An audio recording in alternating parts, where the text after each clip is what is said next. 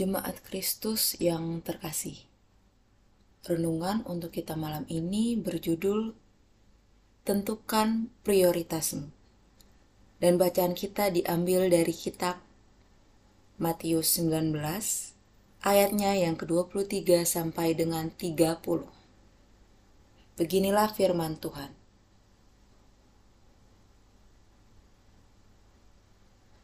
Yesus berkata kepada murid-muridnya, Aku berkata kepadamu, sesungguhnya sukar sekali bagi seorang kaya untuk masuk ke dalam kerajaan sorga.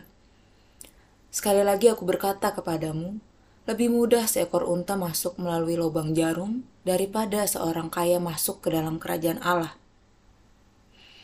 Ketika murid-murid mendengar itu, sangat gemparlah mereka dan berkata, "Jika demikian, siapakah yang dapat diselamatkan?" Yesus memandang mereka dan berkata, "Bagi manusia, hal ini tidak mungkin, tetapi bagi Allah, segala sesuatu mungkin." Lalu Petrus menjawab dan berkata kepada Yesus, "Kami ini telah meninggalkan segala sesuatu dan mengikut Engkau. Jadi, apakah yang akan kami peroleh?" Kata Yesus kepada mereka, "Aku berkata kepadamu, Sesungguhnya, pada waktu penciptaan kembali, apabila anak manusia bersemayam di tahta kemuliaannya, kamu yang telah mengikuti aku akan duduk juga di atas dua belas tahta untuk menghakimi kedua belas suku Israel. Dan setiap orang yang karena namaku meninggalkan rumahnya, saudaranya laki-laki atau saudaranya perempuan, bapak atau ibunya, anak-anak atau ladangnya, akan menerima kembali seratus kali lipat dan akan memperoleh hidup yang kekal. Tetapi banyak orang yang terdahulu akan menjadi yang terakhir, dan yang terakhir akan menjadi yang terdahulu.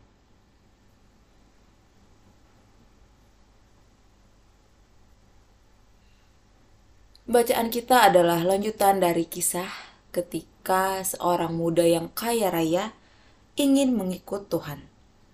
Namun ia menjadi kecewa ketika Tuhan menghendaki semua hartanya untuk dijual dan memintanya untuk ikut melayani Tuhan.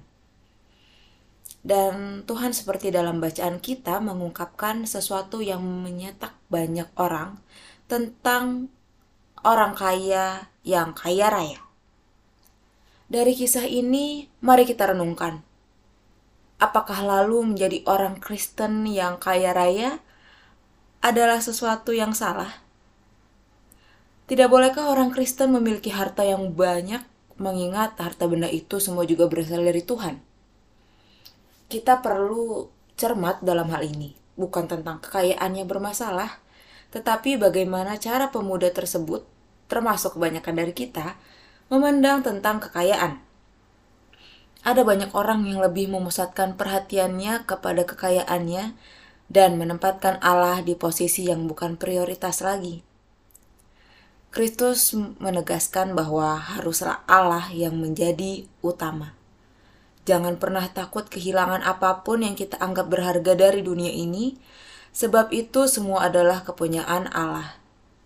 Oleh sebab itu, mari fokus pada Allah dan yakinlah bahwa Allah akan memelihara kita dan memberikan segala sesuatu yang melebihi keinginan kita ketika kita memprioritaskan Allah. Jadi, mana yang akan kita prioritaskan?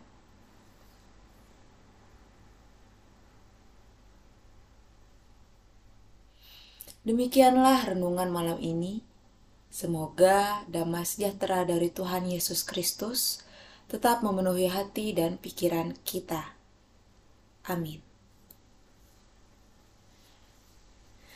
Jemaat yang terkasih, mari kita bersatu hati menaikkan pokok-pokok doa yang ada dalam gerakan doa 21 GKI Sarwa Indah.